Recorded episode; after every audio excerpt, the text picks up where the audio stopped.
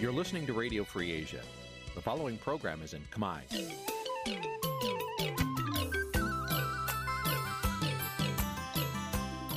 នេះជាកម្មវិធីផ្សាយ Vuthu Azizi Serai នេះជាកម្មវិធីផ្សាយរបស់ Vuthu Azizi Serai ជាភាសាខ្មែរ Vuthu Azizi Serai សូមស្វាគមន៍លោកអ្នកនាងទាំងអស់ពីរដ្ឋធានី Washington នៃសហរដ្ឋអាមេរិក ខ្ញុំបាទសេកបណ្ឌិតសូមជម្រាបសួរអស់លោកនាងកញ្ញាអ្នកស្ដាប់ទាំងអស់ជាទីមេត្រីយើខ្ញុំសូមជូនកម្មវិធីផ្សាយសម្រាប់ព្រឹកថ្ងៃសុក្រ4រោចខែស្រាបឆ្នាំឆ្លូវត្រីស័កពុទ្ធសករាជ2565ត្រូវនៅថ្ងៃទី27ខែសីហាគ្រិស្តសករាជ2021បាទជាដំបូងនេះសូមអញ្ជើញអស់លោកនាងស្ដាប់ព័ត៌មានប្រចាំថ្ងៃដែលមានមេតិការដូចតទៅ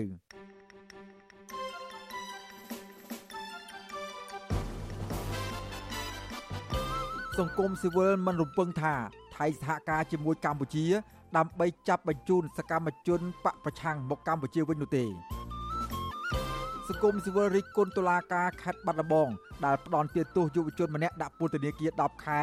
រឿងរិះគន់អាញាធរមិនទិញផ្លែមៀនពីកសិករពលរដ្ឋមានដីធ្លីនៅតំបន់កសាងប្រលានយន្តហោះថ្មីទទូចឲ្យអាញាធរបញ្ឈប់ការប៉ុនប៉ងបណ្ដេញប្រជាពលរដ្ឋដោយបង្ខំ។ បទវិភាគថាតើជំនួយវាក់សាំងចិនផ្ដល់ដល់កម្ពុជា អាចអូសទាញទឹកចិត្តពលរដ្ឋខ្មែរឲ្យគាំទ្រចិនបានដែរឬទេ រួមនឹងព័ត៌មានផ្សេងផ្សេងមួយចំនួនទៀតជាបន្តទៅទៀតនេះខ្ញុំបាទសេកបណ្ឌិតសូមជូនព័ត៌មានទាំងនេះពុស្ដាបាទតុលាការក្រុងភ្នំពេញបើកសវនាការជំនុំជម្រះក្តីលើសកម្មជនគណៈបកប្រឆាំង7រូបក្នុងនោះមានព្រះសង្ឃមួយអង្គផង ពាក់ព័ន្ធនឹងសំណុំរឿងញុះញង់ឲ្យប្រព្រឹត្តអំពើបង្កឲ្យមានភាពវឹកវរធ្ងន់ធ្ងរដល់សន្តិសុខសង្គមនៅថ្ងៃទី26ខែសីហាប៉ុន្តែអវត្តមានជនជាប់ចោតទាំង7រូបដោយសារតែពួកគេកំពុងភៀសខ្លួននៅក្រៅប្រទេស សកម្មជនគណៈបកប្រឆាំងចាត់ទុកដំណើរការកាត់ក្តីនេះថាជាការអនុវត្តច្បាប់បែបឡាប់ឡាតាមការចង់បានរបស់បកកណ្ដាលអំណាចដើម្បីបំបិទសិទ្ធិនយោបាយរបស់ពួកគាត់ ចៅក្រមជំនុំជម្រះសាលាដំបងរាជធានីភ្នំពេញអ្នកស្រីអុករ៉េតគុន្ធាបើកសវនាការកាត់ក្តីកម្បាំងមុខសកម្មជនគណៈបកប្រឆាំង7រូបក្នុងនោះមានព្រះសង្ឃមួយអង្គផងពីបទញុះញង់ឲ្យប្រព្រឹត្តអំពើបង្កឲ្យមានភាពវឹកវរធ្ងន់ធ្ងរដល់សន្តិសុខសង្គមសវនាការកម្បាំងមុខនេះក៏មិនមានមេធាវីចូលការពារក្តីឲ្យពួកគេក្នុងតុលាការដែរសកម្មជនដែលជាប់ចោទក្នុងសំណុំរឿងនេះឲ្យដឹងថាចៅក្រម គ្រងប្រកាសសាលក្រមនៅថ្ងៃទី9ខែកញ្ញាខាងមុខជនជាប់ចោតទាំង7នាក់ក្នុងសំណុំរឿងនេះរួមមានព្រះសង្ឃមួយអង្គគង់នៅប្រទេសកាណាដា គឺព្រះដេចគុណនូសុធា និងសកម្មជនគណៈបកសង្គ្រោះជាតិ6នាក់ក្នុងនោះមាន5នាក់កំពុងរស់នៅភៀសខ្លួននៅប្រទេសថៃ និងម្នាក់ទៀតរស់នៅប្រទេសបារាំងសកម្មជនទាំងនេះសុទ្ធសឹងជាអ្នកដែលលេចធ្លោក្នុងការរិះគន់រដ្ឋាភិបាលលោកហ៊ុនសែនតាមរយៈគេហទំព័រ Facebook ឈ្មោះក្រុមអ្នកប្រយុទ្ធ CNRP មានដូចជា លោកនាងសុខុន លោករិនរតលោករុនចន្ទធី លោកសឹមសុភា និងលោកម៉ៅវិបុលទោះជាយ៉ាងណាសកម្មជនទាំងនេះនៅមិនទាន់ដឹងថាតុលាការចោទប្រកាន់ពួកគេពីបទញុះញង់ពាក់ព័ន្ធនឹងអង្គហេតុអ្វីជាក់លាក់នៅឡើយអតីតអ្នកទស្សនយោបាយនិងជាយុវជនរបស់គណៈបកសង្គ្រោះជាតិដែលកំពុងភៀសខ្លួននៅក្នុងប្រទេសថៃ គឺលោកនាងសុខុនថ្លែងថាលោកហួសចិត្តដែលតុលាការរបបលោកហ៊ុនសែនបើកសវនាការកាត់ទោសលោកទាំងដែលលោកខ្លួនឯងមិនបានដឹងថាញុះញង់ឬអ្វីនឹងនៅទីណាផងនោះទេលោកបារម្ភថាតុលាការរបស់លោកហ៊ុនសែនអាចនឹងបញ្ជូនដីកាចាប់ខ្លួនឲ្យអាជ្ញាធរថៃដើម្បីចាប់ខ្លួនពួកលោកយកទៅដាក់ពន្ធនាគារព្រោះថ្មីថ្មីនេះទីប្រឹក្សាផ្ទាល់របស់លោកហ៊ុនសែន បានស្នើភាគីថៃឲ្យជួយទប់ស្កាត់ក្រុមសកម្មជនគណបកប្រឆាំងដែលកំពុងជ្រកកោននៅក្នុងប្រទេសថៃនោះ វាជារឿងនយោបាយដែលហ៊ុនសែនកំពុងតែបំបត្តិសិទ្ធិសេរីភាពយុវជនបំបត្តិមាត់ប្រជាពលរដ្ឋកុំឲ្យនិយាយការពិតនឹងរឿងសង្គមដែលដឹកនាំអសកម្មរបស់ខ្លួនដែលគ្មានសមត្ថភាពរបស់ខ្លួនការដឹកនាំប្រទេសជាតិនោះបាទទោះបីជាយើងភ័យព្រួយយ៉ាងណាក៏ដោយក៏ប៉ុន្តែយើងមិនបោះបង់បេសកកម្មរបស់យើងដែលយើងកំពុងតែចូលរួមតស៊ូបែបអហិង្សាជាមួយនឹងជនផ្ដាច់ការដើម្បីនាំសេរីភាពជូនប្រជាពលរដ្ឋខ្មែរបានទេ ជាមួយគ្នានេះព្រះដេចគុណនូសុធា មានធរៈដីកាទាំងអស់សំណើចនិងភ្ញាក់ផ្អើលដែលព្រះអង្គមានឈ្មោះត្រូវកាត់ទោសពីបទញុះញង់ទាំងដែលព្រះអង្គមិនដែលជាអ្នកនយោបាយព្រះអង្គបញ្ជាក់ថាកន្លងមកព្រះអង្គគ្រាន់តែបង្ហោះសារជំរុញឲ្យរបបលោកហ៊ុនសែនស្ដារប្រជាធិបតេយ្យនិងសិទ្ធិមនុស្សឡើងវិញព្រមទាំងបង្ហោះសារគាំទ្រលោកសំរងស៊ីដែលព្រះអង្គចាត់ទុកថាជាអ្នកនយោបាយស្មោះត្រង់ចំពោះជាតិនិងប្រជាពលរដ្ឋ ព្រះភិក្ខុអង្គនេះចាត់ទុកថាចំណាត់ការរបស់តុលាការនេះគឺមានចេតនាបំបិតមាត់ប្រជាពលរដ្ឋខ្មែរមិនឲ្យរិះគន់របបលហ៊ុនសែនដែលកំពុងដឹកនាំប្រទេសតាមបែបផ្ដាច់ការនឹងរឿងភាព អយុត្តិធម៌នោះវាប្រកាស100%ហើយយើងវាមិនអាចទទួលយកលាការមួយដែលវាកាត់ក្តីចិត្តសម័យសម័យចេះតែអតីតគូសវាសតាមអ្នកនយោបាយតាមការបញ្ជារបស់លោកហ៊ុនសែននេះវាអត់យុត្តិធម៌100%នឹងប៉ុន្តែសម្រាប់អាត្មាដូចជាមិនជឿក្បាលហាលថ្ងៃនេះព្រោះអានឹងយើងដឹងចរិតរបបនយោបាយហ៊ុនសែនគឺអញ្ចឹងនាយករងទទួលបន្ទុកផ្នែកឃ្លាំមើលសិទ្ធិមនុស្សនៃអង្គការលីកាដូលោកអមសំអាតមានប្រសាសន៍ថា សំណុំរឿងសកម្មជនគណៈបកប្រឆាំងនេះត្រូវបានមជ្ឈដ្ឋានជាតិនិងអន្តរជាតិចាត់ទុកថាជារឿងនយោបាយលោកយល់ថាប្រសិនបើគ្មានការចរចាដោះស្រាយវិបត្តិនយោបាយរវាងគណៈបកប្រឆាំងនិងគណៈបកកាន់អំណាចទេក្រមសកម្មជនទាំងនេះនឹងទទួលរងទោសទណ្ឌដោយអយុត្តិធម៌ដូចដូចគ្នា ទោសនេះវាជារឿងមួយដែលយើងមើលទៅរឿងដដែលដែលគេចាត់ទុកថាជារឿងនយោបាយច្រើនជាងការអនុវត្តច្បាប់ហើយរឿងទាំងអស់នេះបើតាមការកត់សម្គាល់របស់ខ្ញុំកន្លងមកបើសិនជាមានការចរចាដំណោះស្រាយផ្នែកនយោបាយរវាងអ្នកនយោបាយនិងនយោបាយទៅអ្នកទាំងអស់ហ្នឹងអាចនឹងត្រូវបានដាក់លេខឬក៏លើកលែងទោសអីជាដើមមកនេះកន្លងមកណា មកទល់នឹងពីនេះអាជ្ញាធររបបក្រុងភ្នំពេញបានចាប់ខ្លួនសកម្មជននយោបាយសកម្មជនសង្គមនិងសកម្មជនបរិស្ថានជាង80នាក់ហើយដាក់ក្នុងពន្ធនាគារដោយភ ieck ច្រើនចោទប្រកាន់ពីបទញុះញង់និងរួមគំនិតក្បត់ ក្រៅពីនេះមានសកម្មជនរាប់សិបនាក់ទៀតកំពុងភៀសខ្លួននៅក្រៅប្រទេសដើម្បីគេចចេញពីការតាមចាប់ខ្លួនក្នុងសំណុំរឿងដូចគ្នានេះដែរក្រុមអង្គការជាតិនិងអន្តរជាតិរួមទាំងក្រុមប្រទេសប្រជាធិបតេយ្យធំធំ តែងតែថ្កោលទោសជាបន្តបន្ទាប់ថាករណីទាំងនេះគឺជាការធ្វើទុកបុកម្នេញផ្នែកនយោបាយនិងទាមទារឲ្យរបបលហ៊ុនសែនទម្លាក់ចោលបទចោលប្រកាន់ទាំងឡាយនិងប្រគល់សិទ្ធិសេរីភាពជូនដល់អ្នកជាប់ឃុំក្នុងសំណុំរឿងនយោបាយទាំងអស់ឲ្យមានសេរីភាពឡើងវិញពួកគេបញ្ជាក់ថាការស្ដារស្ថានភាពឡើងវិញនេះគឺជាការអនុវត្តតាមរដ្ឋធម្មនុញ្ញនិងច្បាប់អន្តរជាតិជាពិសេសគឺដើម្បីបញ្ជាទណ្ឌកម្មបន្ថែមទៀតពីសហភាពអឺរ៉ុបនិងសហរដ្ឋអាមេរិក។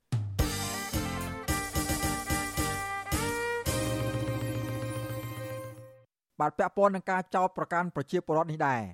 មន្ត្រីអង្គការសង្គមស៊ីវិលសោកស្ដាយដែលតុលាការខេត្តបាត់ដំបងបានចោទប្រកាន់និងផ្ដន់ទាទោសបរិមម្នាក់ពីបទញុះញង់ដោយគ្រាន់តែគាត់បង្ហោះសារតាមបណ្ដាញសង្គម Facebook រិះគន់អាជ្ញាធរថាមិនជួយទិញផ្លែតាងែនរបស់កសិករមន្ត្រីអង្គការសង្គមស៊ីវិលយល់ថានេះជារឿងអយុត្តិធម៌និងរំលោភសិទ្ធិបញ្ចេញមតិរបស់ប្រជាពលរដ្ឋបាទពីរដ្ឋធានី Washington អ្នកស្រីសុជីវីរាយការណ៍ជុំវិញព័ត៌មាននេះ មន្ត្រីឃ្លាំមើលការរំលោភសិទ្ធិមនុស្សចាត់ទុកការឃុំខ្លួននិងផ្ដន់ទោសបរិសម្នាក់ឈ្មោះងួនលី នៅស្រុកកំរៀងខេត្តបាត់ដំបងដែលបានបង្ហោះសាររិះគន់អាញាធរនោះថាជាការគំរាមកំហែងធ្ងន់ធ្ងរប៉ះពាល់ដល់ការសម្ដែងមតិរបស់ពលរដ្ឋមន្ត្រីសម្របសម្រួលសមាគមការពារសិទ្ធិមនុស្សអាត6ខេត្តបាត់ដំបងលោកយិនមេងលីប្រាប់វិទ្យុអាស៊ីសេរីនៅថ្ងៃទី26ខែសីហាថា ការដែលចក្រមជំនុំជម្រះផ្ដន់ទាទោស ពលរដ្ឋដោយមិនបានស៊ើបអង្កេតស៊ីជម្រៅបែបនេះគឺជារឿងមិនត្រឹមត្រូវឡើយលោកបញ្ជាក់ទៀតថាប្រជាពលរដ្ឋបង្ហោះសារនៅក្នុងបណ្ដាញសង្គម Facebook ស្នើឲ្យអាជ្ញាធរពាក់ព័ន្ធជួយដោះស្រាយពីទុកកង្វល់របស់ពួកគាត់គឺជាការសម្ដែងមតិរបស់ពលរដ្ឋដោយស្របតាមរដ្ឋធម្មនុញ្ញ។អញ្ចឹងយើងចង់ឲ្យពិចារណាទៅលើចំណុច2ដែលអង្គការសហប្រជាជាតិគេបានលើកទៅលើសេរីភាពបញ្ចេញមតិហ្នឹងគ្រាន់តែគាត់និយាយប៉ុណ្្នឹងចាំបាច់ទេនៅក្នុងការចាប់គាត់លើកមក តើវាសមាមាទេសម្ដីរបស់គាត់និយាយប៉ុណ្្នឹងយកគាត់ទៅដាក់គុក10ខែអញ្ចឹងគេឲ្យធ្វើការពិចារណាទៅលើហ្នឹងបើយើងគ្រាន់តែធ្វើការណែនាំគាត់ធ្វើកិច្ចសន្យាឬក៏ឲ្យគាត់បង្ហោះទៅវិញទៅដោយយើងដោះលែងគាត់ទៅវិញទៅវាបានទេអាហ្នឹងវាចាំបាច់ទេវាសមាមាដែរប្រតិកម្មរបស់មន្ត្រីសិទ្ធិមនុស្សនេះធ្វើឡើងក្រោយពេលដែលសាលាដំបងខេត្តបាត់ដំបងបានផ្ដន្ទាទោសបរិះម្នាក់ឈ្មោះងួនលីអាយុ31ឆ្នាំ រស់នៅស្រុកកំរៀងខេត្តបាត់ដំបងដាក់ពន្ធនាគារ10ខែពីបទញុះញង់ឲ្យប្រព្រឹត្តបទឧក្រិដ្ឋជាអាតពាក់ព័ន្ធនឹងការបង្ហោះសាររិះគន់អាជ្ញាធរខេត្តនេះថាមិនបានជួយទិញផ្លែតង្កែនឬផ្លែមៀនរបស់កសិករនៅស្រុកកំរៀងកាលពីថ្ងៃទី21ខែសីហាពីថ្ងៃក្រោយពីបានបង្ហោះសារនេះលោកត្រូវបានប៉ូលីសនៃអធិការដ្ឋាននគរបាលស្រុកកំរៀងចាប់ខ្លួននិងបានបញ្ជូនទៅឃុំខ្លួននៅពន្ធនាគារខេត្តបាត់ដំបង កាលពីថ្ងៃទី24ខែសីហា តុលាការខេត្តបាត់ដំបងបានចាត់ការរឿងនេះយ៉ាងឆាប់រហ័សនិងឈានទៅដល់ផ្ដន្ទាទោសរូបគាត់ដាក់ពន្ធនាគារតែម្ដងវិទ្យុអាស៊ីសេរីមិនទាន់អាចតាក់ទងសាច់ញាតិលោកងួនលីដើម្បីសាកសួរជំវិញការចាប់ខ្លួននេះបានទេ នៅថ្ងៃទី26ខែសីហាវីដេអូឃ្លីបនៅក្នុង Facebook របស់លោកងួនលីបង្ហាញពីប្រជាពលរដ្ឋបេះផ្លែតង្កែនប្រមាណ2តោនច្រកប្រអប់ដាក់គរនៅក្រោមដើមតង្កែនរបស់កសិករនៅឃុំតាសែនស្រុកកំរៀង លោកងួនលីបាននិយាយរៀបរាប់នៅក្នុងវីដេអូឃ្លីបនោះថាអាញាធរមូលដ្ឋានបានឲ្យពលរដ្ឋបេះផ្លែតង្កែនទាំងនោះហើយប៉ុន្តែមិនបានទៅទិញយកពីពួកគាត់នោះទេហើយបើថាមិនទិញទេខ្ញុំសុំចិត្តទុកស្អុយដើមចោលហ្មងហ្នឹងទីផ្សារស្រុកខ្មែរហើយសម្ដេចថាជួយទិញជួយអីឲ្យពួកខ្ញុំខំជួយកាច់មើលមានប៉ុណ្ណានេះមើលមើលនេះមើលមើលស្អាតចេះមើលមើលនេះ ហើយម្ដងឲ្យកាច់ម្ដងឲ្យកាច់អីអត់ច្បាស់សោះម្ដងអូឲ្យកាច់ឲ្យជួកម្មករកាច់ទៅពីបេតោនហើយហើយឥឡូវបីកាច់ហើយមុននោះដាក់ឲ្យដាក់ថង់ឥឡូវគេខំដាក់ថង់ដឹកដល់កន្លែងដឹកដល់ស្រុកទៀតស្រុកថាឥឡូវអត់ទេអត់ចង់បានថង់ដាក់កេះឥឡូវដាក់កេះហើយឥឡូវកេះហើយឥឡូវយកយកពីកេះចេញយកពីថង់ចេញដាក់កេះទៀតកេះទៅខាងស្រុកទៅវិញហើយទៅដាក់កេះក៏គេអត់យកដែរឥឡូវមើលឲ្យមានអីមានលុយកម្មករណានេះ វិទ្យុអាស៊ីសេរីមិនអាចតាក់ទងแนะនាំពាក្យសាលាដំបងខេត្តបាត់ដំបងលោកឌួងសារ៉នដើម្បីសូមអត្ថាធិប្បាយជុំវិញបញ្ហានេះបានទេ នៅថ្ងៃទី26ខែសីហាប៉ុន្តែទំព័រ Facebook របស់អគ្គស្នងការនគរបាលជាតិចុះផ្សាយកាលពីថ្ងៃទី24ខែសីហាថាវីដេអូឃ្លីបដែលលោកងួនលីបង្ហោះនោះគឺជាការញុះញង់បំផុសឲ្យម្ចាស់ចំការមានភ័ន្តច្រឡំលើចំណាត់ការរបស់រដ្ឋាភិបាល។ លោកនាយករដ្ឋមន្ត្រីហ៊ុនសែនបានបើកយុទ្ធនាការប្រមូលទិញផ្លែតង្កែនពីកសិករនៅខេត្តបាត់ដំបង និងប៉ៃលិន ដែលគ្មានទីផ្សារលក់លោកហ៊ុនសែនថានឹងយកផ្លែតង្កែនទាំងនោះទៅចែកដល់កងទ័ពនគរបាលកងរាជអាវុធហត្ថគ្រូពេទ្យអ្នកជំងឺ និងប្រជាពលរដ្ឋដែលកំពុងធ្វើចាត់តលិស័កកន្លងមកមានប្រជាពលរដ្ឋមួយចំនួនបានត្អូញត្អែថាអាញាធរប្រមូលទិញផ្លែតង្កែនមិនបានស្មើភាពគ្នានោះទេហើយកសិករខ្លះ ថែមទាំងបានថតវីដេអូឃ្លីបពីផ្លែតង្កែនដែលគ្មានទីផ្សារលក់បង្ហោះតាមបណ្ដាញសង្គម Facebook ជាបន្តបន្ទាប់រហូតដល់មានការចាប់ខ្លួនយុវជនម្នាក់នៅខេត្តបាត់ដំបងនេះកសិករដាំតង្កែនម្នាក់នៅខេត្តបាត់ដំបងថ្លែងសុំមិនបញ្ចេញឈ្មោះថាលោកមិនគាំទ្រចំពោះការចាប់ខ្លួនបរិសម្នាក់ដែលបង្ហោះសាររិះគន់អាញាធរនោះទេ ពីព្រោះទង្វើបែបនេះមិនអាចជួយដោះស្រាយទុក្ខលំបាករបស់ប្រជាកសិករឡើយ។ និយាយទៅបងឲ្យតែផលប្រយោជន៍ជាកសិករគឺខ្ញុំគ្រប់គ្រងបងតែយើងយកគាត់ដាក់គុកនោះខ្ញុំអត់គ្រប់គ្រងទេបងវាមិនប៉ះពាល់អីផងហ្នឹងទៅពេលតែប៉ះរបស់ដល់យើងគិតថាយើងបានលុយទៅពេលដែលយើងមិនបានលុយដូចជាមនុស្សពាក្យច្រើនគឺថាហាក់ថាទៅអារម្មណ៍វាអត់សូវល្អទេបងមួម៉ៅជើឆាវចឹងយើងបរោះចឹងទៅខ្ញុំលឺគម្រោងគាត់ដូចថាចង់យកទៅចាក់ចោលមុខកលាខេតទៅទៀតយើងដាក់ការនេះគ្មានណាទៅរកចំណូលបានទេបងអើយចាប់គេដាក់គុកដាក់ច្បាប់ហ្នឹងក៏ធ្វើឲ្យគ្នានោះចេះខ្លាំងដល់មកកម្រិតទៀត មន្ត្រីសិទ្ធិមនុស្សលោកយិនមេងលីយល់ថាការចាប់ខ្លួនលោកងួនលីនេះនឹងមិនបានផលចំណេញទៅដល់សង្គមជាតិឡើយប៉ុន្តែនឹងធ្វើឲ្យកម្ពុជាកាន់តែមានឈ្មោះអាក្រក់នៅលើឆាកអន្តរជាតិទៅវិញទេមន្ត្រីសង្គមស៊ីវិលរូបនេះក៏អំពាវនាវសូមឲ្យតុលាការដោះលែងយុវជនរូបនេះឲ្យមានសេរីភាពវិញហើយឲ្យបញ្ឈប់ការចាប់ខ្លួនពលរដ្ឋដែលបានបង្ហោះសារសម្ដែងមតិដោយសន្តិវិធី និងសាររិះគន់ភាពអសកម្មរបស់អាញាធរនេះបន្តទៅទៀត នាងខ្ញុំសុជីវីវិទ្យុអាស៊ីសេរីពីរដ្ឋធានី Washington បាទលោកនាងកញ្ញាជាទីមេត្រីរដ្ឋាភិបាលកម្ពុជាមិនទាន់បញ្ជាក់ចំហថានឹងមានវិធានការបែបណាលើសកម្មជនគណៈបកប្រឆាំងដែលកំពុងភៀសខ្លួននៅប្រទេសថៃនោះទេ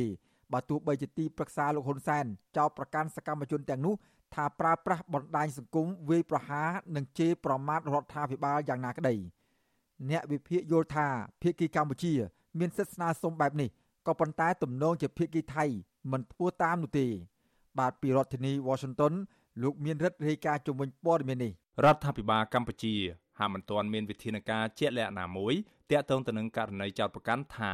សកម្មជនគណបកសង្គ្រោះជាតិបានយកទឹកដីថៃធ្វើជាមូលដ្ឋាននៃការប្រើប្រាស់បណ្ដាញសង្គមដើម្បីវាយប្រហារនឹងជាប្រមាថរបបក្រុងភ្នំពេញនិងលោកហ៊ុនសែននោះនៅឡើយទេ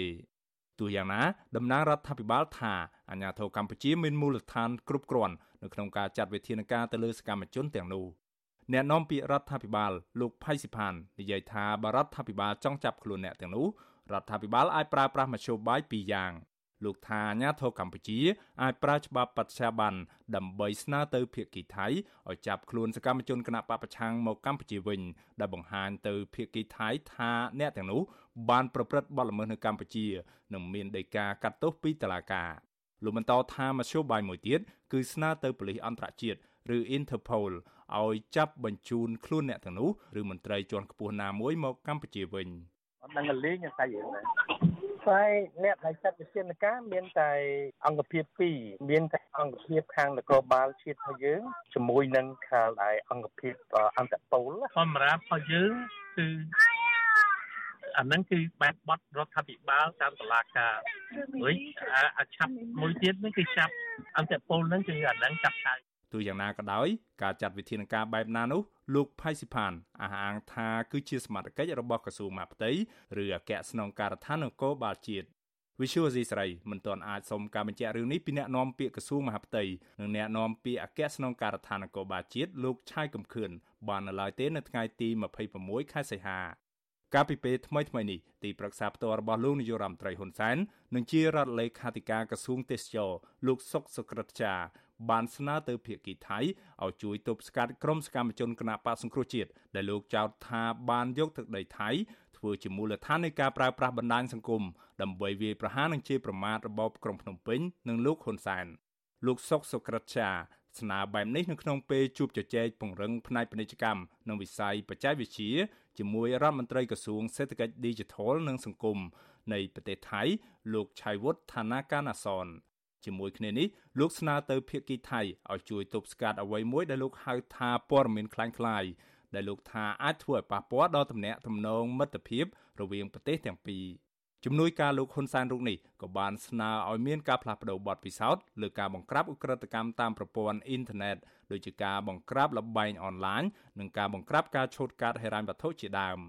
ជុំវិញសំណើរបស់មន្ត្រីកម្ពុជាបែបនេះវិសុយស៊ីស្រីកំពុងព្យាយាមតាក់ទងអាជ្ញាធរថៃដើម្បីសុំការពន្យល់បន្ថែមក៏ប៉ុន្តែមិនទាន់ទទួលបានការឆ្លើយតបនៅឡើយទេគិតត្រឹមថ្ងៃទី26ខែសីហាកម្ពុជាបានចុះសន្ធិសញ្ញាស្តីពីបច្ចាប័នជាមួយប្រទេសថៃកាលពីឆ្នាំ1999ហើយតាមរយៈសន្ធិសញ្ញានេះភាគីទាំងពីរអាចចាប់បញ្ជូនជនល្មើសច្បាប់ដើម្បីយកទៅចោទប្រកាន់នៅចំពោះមុខយុត្ថាធិការរបស់ខ្លួន ឬយកទៅអនុវត្តទោសជុំវិញរឿងនេះមន្ត្រីជាន់ខ្ពស់គណៈបកសង្គ្រោះជាតិនិងជាសមាជិកគណៈកម្មការរដ្ឋបាលនៃគណៈបកសង្គ្រោះជាតិនៅទីក្រុងបាងកកលោកដួងចន្ទ្រាឲ្យដឹងថាក្រោយទទួលបានការប្រមានបែបនេះថ្នាក់ដឹកនាំនិងសកម្មជនមួយចំនួននៃគណៈបកសង្គ្រោះជាតិបានផ្ញើលិខិតទៅតំណាងអង្គការសហប្រជាជាតិទទួលបន្ទុកជនភៀសខ្លួនប្រចាំនៅប្រទេសថៃឲ្យបានដឹងអំពីរឿងនេះពេលនេះសកម្មជនគណៈបកសង្គ្រោះជាតិជិត70នាក់ បានភៀសខ្លួននៅប្រទេសថៃដើម្បីគេចពីការធ្វើទុកបុកម្នេញពីរបបឯកបកដឹកនាំដោយគណៈបកប្រជាជនកម្ពុជាជុំវិញរឿងនេះអ្នកវិភាគនយោបាយបណ្ឌិតសេងសេរីយល់ថាភៀកគីកម្ពុជា មានសិទ្ធិស្នើទៅអាជ្ញាធរថៃឲ្យចាត់វិធានការទៅលើក្រុមសកម្មជនគណបកសង្គ្រោះជាតិក៏ប៉ុន្តែលោកយល់ថាភៀកគីថៃទំនងជាមិនធ្វើតាមសំណើបែបនេះនោះទេ លោកបញ្ជាក់ថាអ្វីដែលធ្វើឲ្យភៀកគីថៃមិនយល់ព្រមនោះព្រោះថៃកំពុងតែមានវិបត្តិនយោបាយហើយរដ្ឋាភិបាលថៃក៏ទំនងជាមិនចង់ប្រឈមជាមួយឧត្តមស្នងការអង្គការសហប្រជាជាតិទទួលបន្ទុកជនភៀសខ្លួនដែរព្រោះជនភៀសខ្លួនភៀសច្រើនមានការទទួលស្គាល់ពីអង្គការសហប្រជាជាតិ ភាគីថៃនឹងមិនអនុវត្តតាមអ្វីដែលជាការស្នើសុំនឹងខ្ញុំមើលឃើញថាថៃក៏អត់ចង់ប្រឈមជាមួយនឹងគំនាបសង្កត់អង្គការសហប្រជាជាតិមួយទៀតដែរដោយសារតែជនភៀសខ្លួននយោបាយដែលកំពុងតែនៅប្រទេសថៃនេះគឺជាការមើលថែរបស់អង្គការសហប្រជាជាតិដូច្នេះបើសិនជាក្នុងករណីភាគីថៃធ្វើរឿងណាមួយដែលមានបញ្ហាអានោះគឺថៃត្រូវប្រឈមជាមួយនឹងការឆ្លើយឬក៏ការអធិប្បាយទៅលើភាគីមួយទៀតដែលដែលជាភាគីអង្គការសហប្រជាជាតិនោះឯងបាទ ទោះយ៉ាងណាអ្នកវិភាគដដែលថ្លែងថាលោកមិនគាំទ្រឲ្យសកម្មជននយោបាយគ្រប់ភាគីប្រើប្រាស់ពាក្យពេចន៍អសុរោះជេរប្រមាថគ្នាតាមបណ្ដាញសង្គមនោះទេលោកសេងសេរីលើកឡើងទៀតថាវិធីគម្រាមកំហែងការបញ្ជូនចារកម្មទៅធ្វើទុកបុកម្នេញលើសកម្មជនបពប្រឆាំងក៏មិនមែនជាដំណោះស្រាយត្រឹមត្រូវនោះដែរក៏ប៉ុន្តែការជជែកគ្នាឡើងវិញរវាងថ្នាក់ដឹកនាំគណៈបកកណ្ដាលអំណាចនិងគណៈបពប្រឆាំងទើបជាដំណោះស្រាយសម្រាប់វិបត្តិនយោបាយនៅកម្ពុជា ខ្ញុំបាទមេរិត Visual C ស្រីរាយការណ៍ពីរដ្ឋធានី Washington បាទលោកនាងកញ្ញាជាទីមេត្រីពាក់ព័ន្ធនឹងស្ថានភាពជំងឺ Covid-19 វិញម្ដង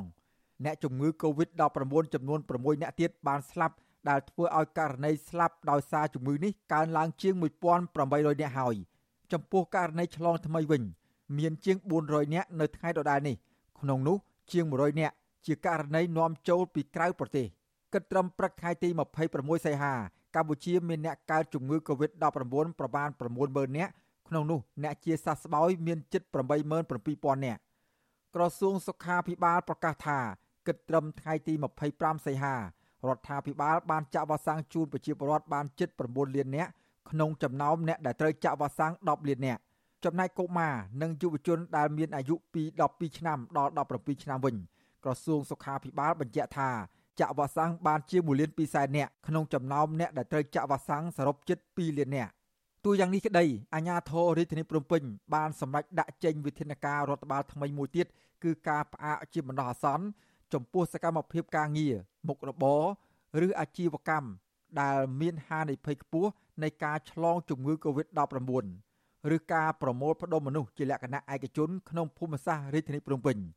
វិធានការនេះមានរយៈពេល14ថ្ងៃ គឺចាប់ពីម៉ោង0ថ្ងៃទី27សីហា រហូតដល់ថ្ងៃទី9កញ្ញាអាជ្ញាធរបញ្ជាក់ថាវិធានការនេះគឺដើម្បីទប់ស្កាត់ការឆ្លងរាលដាលនៃជំងឺ Covid-19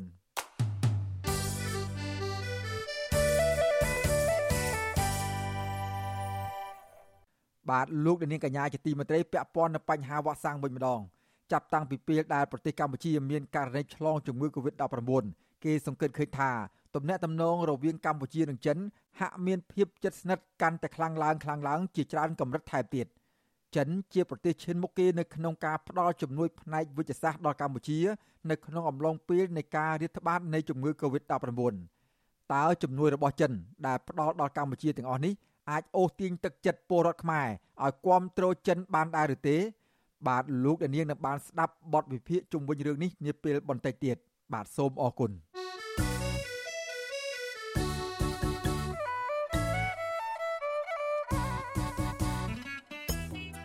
បាទលោកដានៀងកញ្ញាជាទីមេត្រីលោកដានៀងក៏អាចស្ដាប់ការផ្សាយរបស់វិទ្យុអសីស្រីដំណើរគ្នានឹងការផ្សាយលើបណ្ដាញសង្គម Facebook និង YouTube តាមរយៈរលក ធាតុអាកាសខ្លីឬ Shortwave តាមកម្រិតនិងកម្ពស់ដូចតទៅនេះបាទពេលព្រឹកចាប់ពីម៉ោង5កន្លះដល់ម៉ោង6កន្លះតាមរយៈរលក ធាតុអាកាសខ្លី9940 kHz ស្មើនឹងកម្ពស់ 30m និងនៅពេលយប់ចាប់ពីម៉ោង7កន្លះដល់ម៉ោង8កន្លះតាមរយៈរលក ធាតុអាកាសខ្លី9960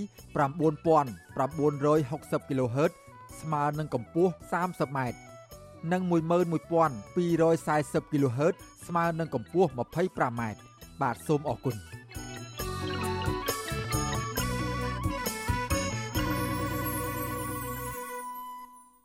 បាទលោកអ្នកនាងកញ្ញាជាទីមេត្រី មន្ត្រីរដ្ឋាភិបាលកម្ពុជាអះអាងថាស្ថានទូតខ្មែរប្រចាំប្រទេសឥណ្ឌូនេស៊ីបានផ្ញើលិខិតទាមទារឲ្យរដ្ឋាភិបាលឥណ្ឌូនេស៊ីបញ្ជូនប្រេងឆៅជិត30ម៉ឺនធុងមកកាន់ប្រទេសកម្ពុជាវិញសំណើនេះធ្វើឡើងក្រោយពីកងទ័ពជើងទឹកឥណ្ឌូនេស៊ីបានរឹបអូសយកនាវាដឹកប្រេងមួយគ្រឿងដោយសង្ស័យថាលួចប្រេងឆៅរបស់កម្ពុជា បាទពីរដ្ឋធានី Washington លោកសនចាន់រដ្ឋារិកាជំវិញព័ត៌មាននេះ មន្ត្រីរដ្ឋាភិបាលកម្ពុជាឲ្យដឹងនៅថ្ងៃទី26ខែសីហាថាមន្ត្រីស្ថានទូតខ្មែរនិងក្រសួងការបរទេសកំពុងទាមទារឲ្យរដ្ឋាភិបាលឥណ្ឌូនេស៊ីប្រញាប់បញ្ជូនប្រេងឆៅជិត30ម៉ឺនធុងដែលមានតម្លៃ20លានដុល្លារត្រឡប់មកកម្ពុជាវិញក៏ប៉ុន្តែសំណើនេះនៅមិនទាន់មានការឆ្លើយតបបែបណានៅឡើយទេអ្នកនាំពាក្យរដ្ឋាភិបាលលោកផៃសិផានមានប្រសាសន៍ថាកន្លងទៅរដ្ឋាភិបាលកម្ពុជាបានប្តឹងទៅសមាជិកឥណ្ឌូនេស៊ីដើម្បីសុំការសហការរឹបអូសនាវា ដែលបានលួចដឹកប្រេងឆៅចេញពីកម្ពុជានោះចំពោះសំណួរថាតើរដ្ឋាភិបាលនឹងស៊ើបអង្កេតអាជ្ញាធរខ្មែរមួយចំនួនដែលខុបខិតជាមួយក្រុមហ៊ុន Chris Energy លួចនាំប្រេងឆៅចេញពីកម្ពុជាដែរឬទេមន្ត្រីចុងខ្ពស់រដ្ឋាភិបាលរូបនេះបានបង្វែរសំណួរនេះទៅក្រសួងពាក់ព័ន្ធវិញដោយសារការដោះស្រាយរឿងនេះផ្អែកតាមលក្ខខណ្ឌដែលមានចែងនៅក្នុងកិច្ចសន្យាវិនិយោគយើងកំពុងតែរៀបចំជាមួយនឹងតែអាជ្ញាធរនិងរដ្ឋាភិបាលឥណ្ឌូនេស៊ីនេះ តែរៀបចំជាមួយកម្ពុជាហ្នឹងពីការបញ្ជូនត្រឡប់មកវិញពីព្រោះអានេះគេចាត់ទុកថាជារបស់ទៅគេគាត់ឲ្យគេបញ្ជូនមកវិញក្រសួងដែលរាយនឹងធម្មពលទី1ដើម្បីឆ្លើយតបលក្ខខណ្ឌដែលធ្វើខុសសន្យាជាមួយនឹងរាជរដ្ឋាភិបាលហើយពាក់ព័ន្ធជាមួយនឹងអ្នកបណ្ដាក់ទុនជាមួយគ្រីស្ទញ្ញាជីនៅកម្ពុជាកាលពីចុងខែកក្កដាកន្លងទៅអាញាធរឥណ្ឌូនេស៊ីបានខត់ចាប់កប៉ាល់ដឹកប្រេងមួយគ្រឿងនិងខត់បានសមាជិកនាវិក18នាក់ សង្ស័យថាបានលួចយកប្រេងឆៅជិត30ម៉ឺនធុងចេញពីកម្ពុជាលើពីនេះនាវាដែលមានផ្ទុកលួចប្រេងឆៅពីកម្ពុជានោះមានប្រវែងជិត200ម៉ែត្រដែលបានធ្វើដំណើរចេញពីប្រទេសថៃទៅកាន់កោះប៉ាថាប្រទេសឥណ្ឌូនេស៊ីហើយបានបោះយុទ្ធការខុសច្បាប់នៅលើដែនទឹកនៃប្រជុំកោះឥណ្ឌូនេស៊ីវិទ្យុអាស៊ីសេរីមិនទាន់អាចសុំការឆ្លើយតបរឿងនេះពីអ្នកនាំពាក្យក្រសួងរាយនៅធម្មពលលោកយុសមនីរ៉ាន់និងអ្នកនាំពាក្យក្រសួងពាណិជ្ជកម្មលោកសៀងថៃបាននៅឡើយទេ នៅថ្ងៃទី26ខែសីហា ដោយទូរស័ព្ទហៅចូលច្រើនដងតែគ្មានអ្នកទទួលប៉ុន្តែអគ្គនាយកអ្នកអគ្គនាយកដ្ឋានប្រេងកាតនៃក្រសួងធនធានរ៉ែលោកជាបស៊ូបានប្រាប់វិទ្យុក្នុងស្រុកថាប្រេងឆៅដែលសមាជិកឥណ្ឌូនេស៊ីចាប់បាននោះគឺជាប្រេងរបស់ក្រុមហ៊ុន Chris Energy ដែលបានបូមចេញពីកម្ពុជាលោកថាប្រេងនេះគឺបូមចេញពីតំបន់អប្សរាឬប្លុក A ត្រូវបានអ្នកបើកបរកប៉ាល់ផ្ទុកប្រេងនោះលួចដឹកចូលក្នុងទឹកដីថៃកាលពីខែមិថុនាកន្លងទៅលោកបន្ថែមថាអ្នកដែលបានបញ្ជាកប៉ាល់ដឹកប្រេងចេញពីកម្ពុជានោះ គឺជាម្ចាស់បំណុលរបស់ក្រុមហ៊ុន Chris Energy ជុំវិញរឿងនេះមន្ត្រីអង្គការសង្គមស៊ីវិលជំរុញរដ្ឋាភិបាលត្រូវតែទាមទារយកប្រេងត្រឡប់មកវិញនិងស៊ើបអង្កេតរឿងនេះឲ្យបានច្បាស់លាស់ថាតើមន្ត្រីណាខ្លះដែលជាប់ពាក់ព័ន្ធអំពើពុករលួយខុបខិតជាមួយក្រុមហ៊ុន Chris Energy ដែលធ្លាប់ប្រកាសថាខ្លួនខ្សែធនដោយសារគ្មានលទ្ធភាពសមបំណុលស្ថាបនិកចលនាមេដាធម្មជាតិលោក Alejandro Gonzalez Davidson ផ្ដល់ទស្សនៈថារដ្ឋាភិបាលកម្ពុជា គួរតែប្តឹងក្រុមហ៊ុន Chris Energy ទៅតុលាការសង្ហបុរីករណីលួចបូមប្រេងជីពីកម្ពុជាលោកថារដ្ឋាភិបាលខ្មែរគួរតែសហការជាមួយរដ្ឋាភិបាលឥណ្ឌូនេស៊ីដោយយកប្រេងទៅនោះលក់លើទីផ្សារអន្តរជាតិ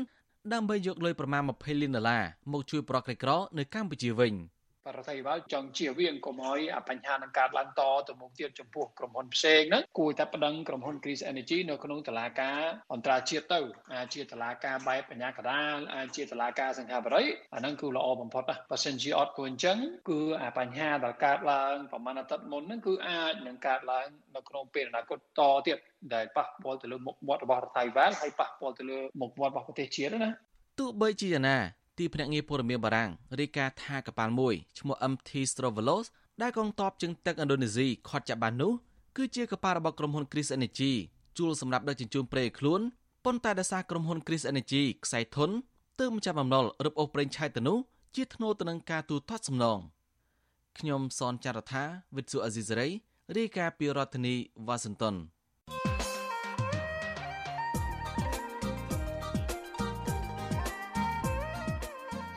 លោកអ្នកនាងកំពុងតាមដានស្ដាប់ការផ្សាយរបស់វិទ្យុអេស៊ីសេរីពីរដ្ឋធានី Washington សហរដ្ឋអាមេរិកជុំវិញការទៀមទីរបស់មន្ត្រីរដ្ឋាភិបាលកម្ពុជា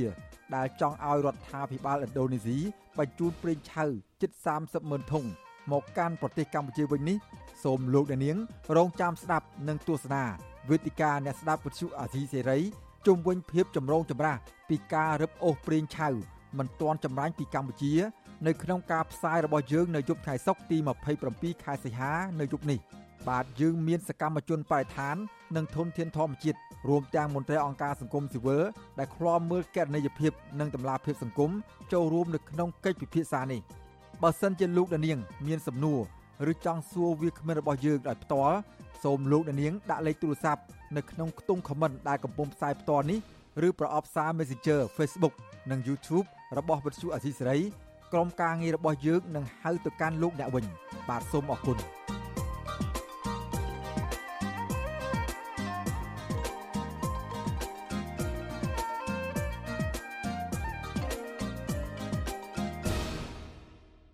មន្ត្រីទាំង15នាក់ដែល11នាក់មានឋានៈស្មើរដ្ឋលេខាធិការនិង5នាក់ទៀតមានឋានៈស្មើនឹងអគ្គនាយកត្រូវប្រមុខរដ្ឋស្ដីទីលោកសាយឈុំ ចុះហត្ថលេខាតែងតាំងកាលពីថ្ងៃទី26ខែសីហាចាប់តាំងពីរបបក្រុងភ្នំពេញរំលេចគណៈបកសង្គ្រោះជាតិនិងបង្កើតរដ្ឋាភិបាលឯកបកមក ទីប្រឹក្សានិងជំនួយការរបស់លោកហ៊ុនសែននិងរដ្ឋាភិបាលនេះ មានជាង600នាក់ហើយដែលត្រូវបានតែងតាំងជាបន្តបន្ទាប់ក្នុងនោះរួមមានការតែងតាំងមន្ត្រីជិត300នាក់កាលពីពាក់កណ្ដាលខែកញ្ញាឆ្នាំ2018និងតែងតាំងបន្ថែមជាង200នាក់ទៀតនៅមួយសប្តាហ៍បន្ទាប់ ហើយបន្តតែងតាំង84នាក់ទៀតសម្រាប់ជាជំនួយការអមទីស្តីការគណៈរដ្ឋមន្ត្រីនៅដើមខែតុលាឆ្នាំ2018ការតែងតាំងជំនួយការបន្ថែមនេះធ្វើឡើងក្រោយពេលដែលរដ្ឋមន្ត្រីក្រសួងសេដ្ឋកិច្ចនិងហិរញ្ញវត្ថុលោកអូនពាន់មនីរតកាលពីថ្ងៃទី18ខែសីហាប្រាប់ឲ្យផ្អាកការជ្រើសរើសមន្ត្រីរាជការគ្រប់ស្ថាប័នទាំងអស់នៅឆ្នាំ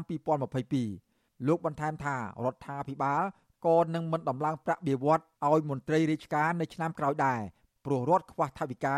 និងត្រូវប្រមូលធនធានយកទៅចំណាយលើតម្រូវការជាអាទិភាពរបស់ជាតិដូចជាការទប់ស្កាត់ជំងឺ Covid-19 ជាដើមការតែងតាំងមន្ត្រីជំនួយការនិងទីប្រឹក្សាដ៏ច្រើនសន្ធឹកសន្ធាប់ក្នុងគ្រាដែលរដ្ឋកំពុងខ្វះថវិកាសម្រាប់បញ្ហាសង្គមនិងសេដ្ឋកិច្ចបែបនេះនាំឲ្យមានការរិះគន់ពីអ្នកខ្លាំមើលសង្គម អតីតនាយកប្រតិបត្តិនៃអង្គការឃ្លាំមើលការបោះឆ្នោតហៅកាត់ថា Confrel លោកគុលបញ្ញាធ្លាប់បង្ហាញការហួសចិត្តនិងចាត់ទុកថាវាជារឿងគួរឲ្យហួសហេតុពេកណាស់ដែលរដ្ឋាភិបាលត្រូវតែងតាំងមន្ត្រីទីប្រឹក្សានិងជំនួយការស្អិចស្កះបែបនេះលោកថាការតែងតាំងនេះជាការប្រើអំណាចរំលោភនិងប្រើប្រាស់ថវិកាជាតិដើម្បីតែផលប្រយោជន៍នយោបាយនិងអំណាចរបស់ខ្លួន។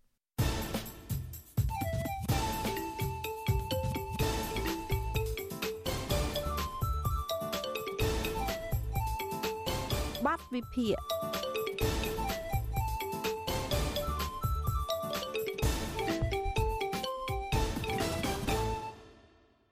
បាទលោកនាងកញ្ញាជាទីមេត្រីលោកនាងកំពុងតាមដានស្ដាប់ការផ្សាយរបស់វិទ្យុអសីសេរីពីរដ្ឋធានី Washington សហរដ្ឋអាមេរិកចាប់តាំងពីប្រទេសកម្ពុជា មានករណីឆ្លងជំងឺ Covid-19 គេសង្កេតឃើញថាទំនាក់ទំនងរវាងកម្ពុជានិងចិនហាក់មានភាពជិតស្និទ្ធកាន់តែខ្លាំងឡើងខ្លាំងឡើងជាច្រើនកម្រិតថែមទៀត។ ចិនជាប្រទេសឈានមុខគេនៅក្នុងការផ្តល់ជំនួយផ្នែកវិទ្យាសាស្ត្រដល់កម្ពុជា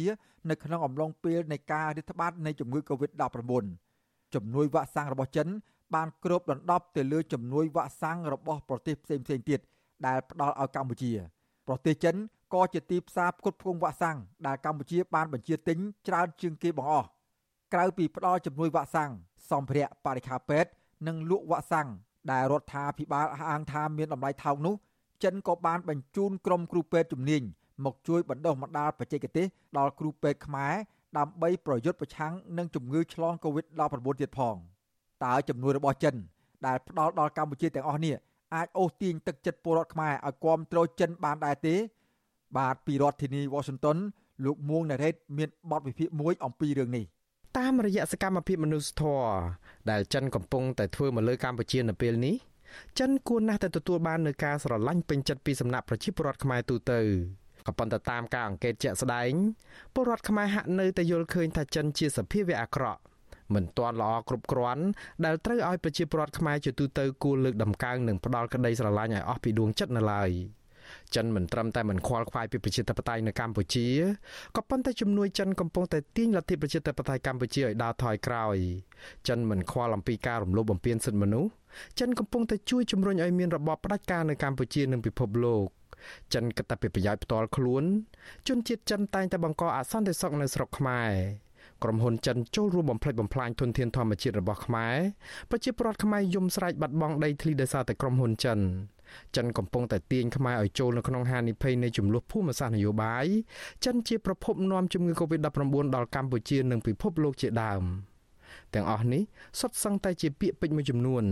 ដែលគេធ្លាប់បានលើប្រជាពលរដ្ឋខ្មែរនិយាយហាក់សម្ដែងការមិនពេញចិត្តចំពោះចិនតែបើទោះបីជាយ៉ាងនេះក្តី គេក៏ឃើញមានដែរអ្នកដែលនិយាយសរសើរចិន ពាក្យសរសើរចិនមានដូចជាថាចិន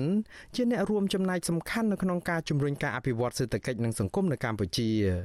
ចិនជាអ្នកផ្ដល់ជំនួយច្រើនជាងគេដល់កម្ពុជាចិនជាអ្នកសាងសង់ផ្លូវថ្នល់និងស្ពានច្រើននិងវែងជាងគេនៅកម្ពុជាជំនួយរបស់ចិនគ្មានលក្ខខណ្ឌស្មុគស្មាញចិនគ្រប់អធិបតេយ្យកម្ពុជា ចិនមិនជ្រៀតជ្រែកចូលកិច្ចការផ្ទៃក្នុងរបស់កម្ពុជា ចិនមិនចូលចិត្តប្រដាយប្រដៅនិងចិនលេងស្មើមុខស្មើមាត់នឹងកម្ពុជាជាដើម។ ភាគច្រើននៃពាក្យពេចន៍សរសើរទាំងអស់នេះគឺគេតែងលើចេញពីមាត់របស់ក្រុមអ្នកចិត្តស្និទ្ធនឹងចិនរួមមានទាំងប្រមុខរដ្ឋាភិបាលកម្ពុជាលោកហ៊ុនសែននិងមន្ត្រីរដ្ឋាភិបាលរបស់លោកនិងមន្ត្រីនៃបកកាន់អំណាចដែលកំពុងទទួលបានលៀបសការៈនិងការគ្រប់គ្រងពីសំណាក់ប្រទេសចិន ដូច្នេះប្រហែលជាគេអាចធ្វើការសន្និដ្ឋានបានថានៅក្នុងក្រសែភ្នែករបស់ប្រជាពលរដ្ឋខ្មែរគឺមានក្រុមដែលចាត់ទុកចិនថាជាសភាវៈអវិជ្ជមានផង និងក្រុមដែលចាត់ទុកចិនថាជាសភាវៈវិជ្ជមានផងហើយក្រុមនីមួយៗតែងតែបានចេញមុខលាតត្រដាងនៅទង្វើអាក្រក់របស់ចិននិងមកខាងទៀតចេញមុខនិយាយការពារចិននៅក្នុងនោះក៏រួមមានទាំងលោកនាយរដ្ឋមន្ត្រីហ៊ុនសែនផងគេនៅចាំបានថានៅក្នុងពេលដែលប្រជាពលរដ្ឋខ្មែរនិងពិភពលោកទាំងមូលហាក់កំពុងតែមើលចិននៅក្នុងរូបភាពមិនល្អ នៅពេលដែលគេដឹងថាជំងឺ Covid-19 មានប្រភពចម្លងចេញមកពីទីក្រុងវូហានប្រទេសចិននៅក្នុងពេលដែលមានការសង្ស័យថាចិនបានព្យាយាមបិទបាំងព័ត៌មានអំពីការរាតត្បាតនៃជំងឺ Covid-19 ទើបបណ្ដាលឲ្យជំងឺនេះឆ្លងរាតត្បាតយ៉ាងលឿនរហ័សទៅកាន់ពិភពលោកលោកហ៊ុនសែនបែរជាមិនបានបង្ហាញការព្រួយបារម្ភអំពីជំងឺដ៏កាចសាហាវមួយនេះនោះឡើយលោកថែមទាំងលើកទឹកចិត្តឲ្យប្រជាពលរដ្ឋកុំខ្លាចជំងឺនេះឲ្យសោះខ្លាមិនខ្លាចតែខ្លាចអាចខ្លាគឺឆ្ងល់រឿងកន្លែងហ្នឹង លើសពីនេះនៅក្នុងសន្និសីទកាសែតមួយនៅទីស្តីការគណៈរដ្ឋមន្ត្រី នៅពេលនោះទាំងលោកហ៊ុនសែនទាំងមន្ត្រីដែលហែហមរូបលោកគ្មាននរណាម្នាក់ពាក់ម៉ាស់ដើម្បីបង្ការការចម្លងរោគនេះនោះទេផ្ទុយទៅវិញលោកហ៊ុនសែនថែមទាំងប្រមានបណ្ដេញអ្នកកាសែតណាដែលពាក់ម៉ាស់ចូលសាលនោះ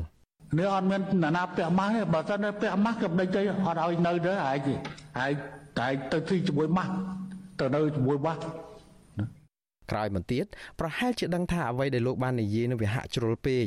តែបើកែវិញវាដូចជាអាម៉ាស់ពេកដែរនោះលោកហ៊ុនសែនមិនបានណែនាំឲ្យប្រជាពលរដ្ឋនិងមន្ត្រីក្រមអាវ៉ាត់របស់លោកពាក់ម៉ាស់ភ្លាមភ្លាមនោះទេដោយលោកចាប់ផ្ដើមឲ្យប្រើក្រមាខ្ទប់មាត់វិញព្រោះលោកមានជំនឿថាក្រមាក៏អាចការពារការចម្លងមេរោគនៃជំងឺ Covid-19 នេះបានដូចជាម៉ាស់អញ្ចឹងដែរពេលនោះគេចាប់ផ្ដើមឃើញមន្ត្រីរបស់លោកហ៊ុនសែនអ្នកណាណាណាក៏មានក្រមាបងជាប់កដែរនៅពេលដែលហែហោមលោកទៅណាមកណាម្ដងម្ដង អស្ចារ្យជាងនេះទៅទៀតលោកហ៊ុនសែនគឺជាមេដឹកនាំតែម្នាក់គត់នៅលើពិភពលោកដែលធ្វើដំណើរទស្សនកិច្ចទៅកាន់ប្រទេសចិននិងស្នើសុំមេដឹកនាំចិនធ្វើដំណើរទៅកាន់ទីក្រុងវូហាន ជាទីដែលជំងឺ Covid-19 កំពុងតែផ្ទុះខ្លាំងនៅទីនោះលោកហ៊ុនសែនថាលោកទៅប្រទេសចិនដើម្បីបង្ហាញនូវសាមគ្គីភាពនិងរួមសុខរួមទុក្ខជាមួយប្រជាជាតិចិន លើសពីនេះទៅទៀតលោកហ៊ុនសែនថែមទាំងមិនអោយនិស្សិតខ្មែរដែលកំពុងតែជាប់គាំងនៅទីក្រុងវូហានធ្វើដំណើរចាក់ចេញពីទីនោះត្រឡប់មកប្រទេសកម្ពុជាវិញនោះឡើយបើទោះបីជាមានជើងហោះហើរពីទីនោះមកកម្ពុជាក្តីព្រោះលោកថានិស្សិតខ្មែរត្រូវនៅទីនោះដើម្បីរួមសុខទុក្ខជាមួយនឹងប្រជាជនចិនអត់មានតម្រូវការនៃការជំនះនិស្សិតខ្មែរមកកាន់កម្ពុជាទេដោយយើងទុកនៅទីនោះ ដែលជាការរួមសុខរួមទុក្ខជាមួយគ្នាក្នុងការដោះស្រាយបញ្ហានេះលោកហ៊ុនសែនក៏មិនបានបិទជើងហោះហើរពីប្រទេសចិនមកកម្ពុជានោះដែរប្រហែលជាចិនមើលឃើញពីភក្តីភាពរបស់លោកហ៊ុនសែនចំពោះប្រទេសរបស់ខ្លួននេះហើយទើបនៅពេលដែលលោកហ៊ុនសែនហាមាត់សុំអីពីចិនគឺចិនឲ្យនឹងលោកហ៊ុនសែនស្នើសុំវាក់សាំងភ្លាមចិនសន្យាឲ្យវាក់សាំងផ្លែតមកដល់ពេលនេះចិនគឺជាប្រទេសឈានមុខគេដែលផ្ដល់វាក់សាំងច្រើនជាងគេដល់កម្ពុជាវាដាច់សហរដ្ឋអាមេរិកនិងប្រទេសផ្សេងទៀត។ វ៉ាសាំងដែលជាជំនួយចិនដល់កម្ពុជាមានជិត4លានដូសទៅហើយចំណែកឯពីខាងលោកហ៊ុនសែនវិញគេមើលឃើញថាលោកហ៊ុនសែនហាក់ពុំសូវហ៊ាននិយាយអ្វីដែលអាចធ្វើឲ្យប៉ះពាល់ដល់ជនជាតិចិនឬទំនាក់ទំនងរវាងកម្ពុជានិងចិននោះដែរមែនតែនទៅបើនិយាយពីការរាតត្បាតខ្លាំងនៃជំងឺ Covid-19 នៅកម្ពុជាអ្នកណាក៏ដឹងដែរថាប្រភពនៃព្រឹត្តិការណ៍សហគមន៍លើកទី3នៅកម្ពុជាគឺព្រឹត្តិការណ៍20កុម្ភៈដែលធ្វើឲ្យប្រជាពលរដ្ឋខ្មែរឆ្លងនិងស្លាប់នៅក្នុងចំនួនដ៏ច្រើននៅក្នុងពេលបច្ចុប្បន្ននេះ គឺកើតចេញពីជនជាតិចិនមួយក្តាប់តូចដែលគ្មានការទទួលខុសត្រូវបានសោកសន្តិសុខដើម្បីបានចេញពីមណ្ឌលធ្វើចតាល័យស័កដើម្បីមកក្រៅចូលក្លឹបផឹកស៊ីច្រៀងរាំសបាយនៅទីបំផុត បង្កមហន្តរាយដល់ខ្មែរបើទោះបីជាយ៉ាងណាគេមិនដែលលើលោកហ៊ុនសែននិយាយបន្ទោសជនជាតិចិនដែលគ្មានការទទួលខុសត្រូវនឹងអសិលធម៌ទាំងអស់នោះទេពីខាងចិនវិញចិនក៏ហាក់ថ្នាក់ថ្នមលោកហ៊ុនសែនសម្បើមណាស់ដែរ រដ្ឋមន្ត្រីការបរទេសចិនលោកវ៉ាងយីនៅក្នុងដំណើរទស្សនកិច្ចមកកាន់ប្រទេសកម្ពុជាកាលពីខែតុលាឆ្នាំ2020បានប្រាប់កម្ពុជាថាចិននឹងបន្តគាំទ្រកម្ពុជា ក្នុងការថែរក្សាអធិបតេយ្យជាតិនិងរឿងជាច្រើនផ្សេងទៀតបាននិយាយអំពីជំងឺ Covid-19 វិញចិនថានឹងបន្តជួយកម្ពុជាប្រយុទ្ធប្រឆាំងនឹងជំងឺនេះដោយសន្យាផ្តល់វ៉ាក់សាំងដល់កម្ពុជាជាអាទិភាព ប្រកាសទាំងអស់នេះគេមិនអាចប្រកែកបានទេថាទំនាក់ទំនងរវាងរដ្ឋាភិបាលនៃគណៈបកប្រជាជនកម្ពុជា និងរដ្ឋាភិបាលនៃគណៈបកកុម្មុយនីសចិន